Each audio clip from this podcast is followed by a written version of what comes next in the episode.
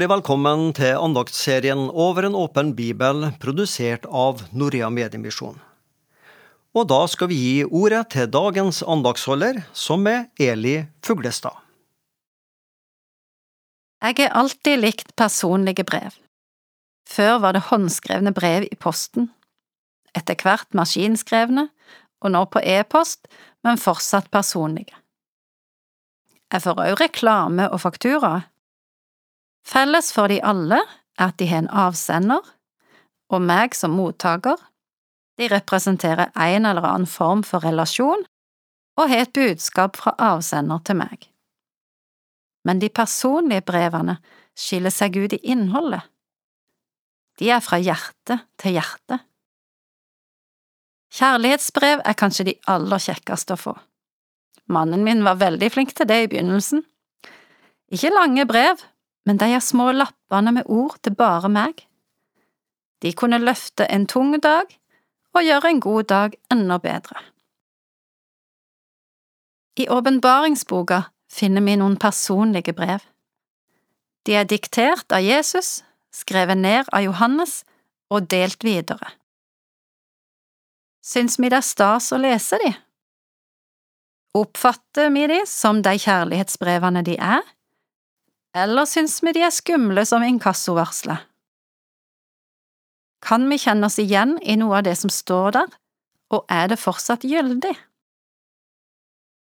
I det første brevet sier Jesus, Skriv til engelen for menigheten Efesos. Men dette har jeg imot deg, at du har forlatt din første kjærlighet. Hva mente han med det? Legg merke til at han begynner med å kalle menigheten ved navn i hermetegn. Menigheten i Efesos. Efesos betyr attråverdig. Vi som enkelttruende og menighet er attråverdige for Herren. Han elsker oss og ønsker at vi skal elske han tilbake. Det er som om han bekrefter sin kjærlighet før han peker på dette at kjærligheten vår ikke lenger er den han en gang var. Hvis vi ser på byen Efesos, så bar han navnet med rette. Det var en atteråverdig by for mange. En viktig og rik by i Lille-Asia med stor dyrkelse av fruktbarhetsgudinna Artemis. Folket der var lidenskapelige. Da de protesterte mot de kristne, ropte de i to hele timer Stor er fesernes Artemis, står det i apostelgjerningene. Det er sterk lidenskap. Midt i dette levde en kristen menighet, men deres kjærlighet, deres lidenskap, var falma. Kjærlighet trenger å holdes ved like, den kan faktisk bli lad, sier Bibelen. I vår tid og kultur er vi òg omgitt av lidenskap. Det dyrkes en grenseløs og radikal kjærlighet. Om noen våger å utfordre han, starter et hylekor minst like sterkt som i Efesos. Midt i dette trenger òg vi å fokusere på kjærligheten til Jesus og vedlikeholde den.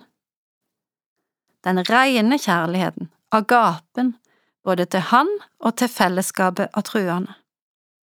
Det er attråverdig for både Gud og menneske. Tenk bare på det som ble sagt om de første kristne. Se hvor de elsker hverandre. Hva kan du og jeg gjøre i dag som kan bygge og forsterke kjærligheten til Jesus eller til trosfellesskapet? I det neste brevet sier Jesus Skriv til engelen for menigheten i Smyrna.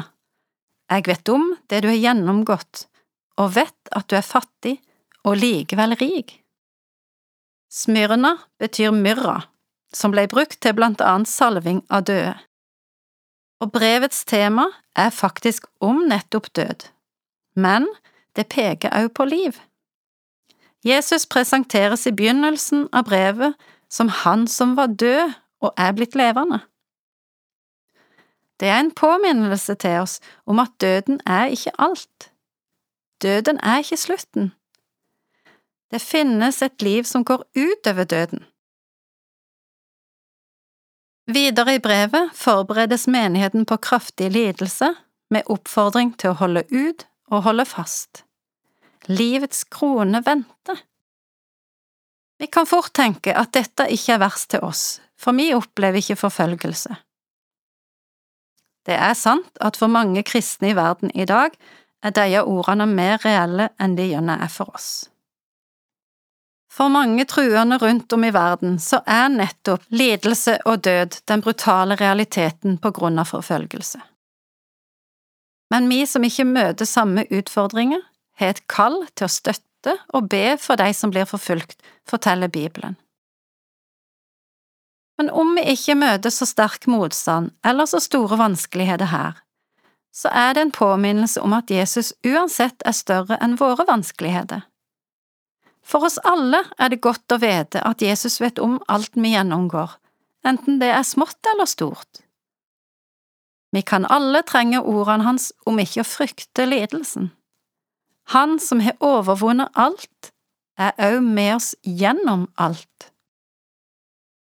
Jesus pekte òg på at det går an å være fattig og likevel rik. Vi kan være fattige i oss sjøl, eller fattige på penger, venner, energi eller andre ting. Men har vi Jesus, så er vi rike i Han, sier Bibelen. Det kan være en vanskelig ting å lære for oss som er vant med å bo i et rikt land. Kanskje er det først når vi mister noe av det vi regner for styrken vår, at vi erfarer at Jesus likevel er mer enn det vi mister. Jeg synes det er godt med de oppmuntringene fra de personlige brevene fra Jesus. Han ønsker å hjelpe oss, utruste og forberede dere, nettopp fordi han elsker oss. Jesus vet alt som skjer i verden i dag, og han vet hva som kommer framover. Han har gitt oss de brevene til trøst og oppmuntring, men også til veiledning og råd. Selv om det skjer mye rundt oss, som med rette kan skape frykt, uro og usikkerhet, ber Jesus oss om å løfte blikket, se på Han, bli fylt av Hans kjærlighet. Du har nå hørt en andakt i serien Over en åpen bibel. Og det var Eli Fuglestad som var dagens andaktsholder. Denne serien den produseres av Norea Mediemisjon. Og alle våre podkaster og andakter det finner du på hjemmesida styrkdintro.no.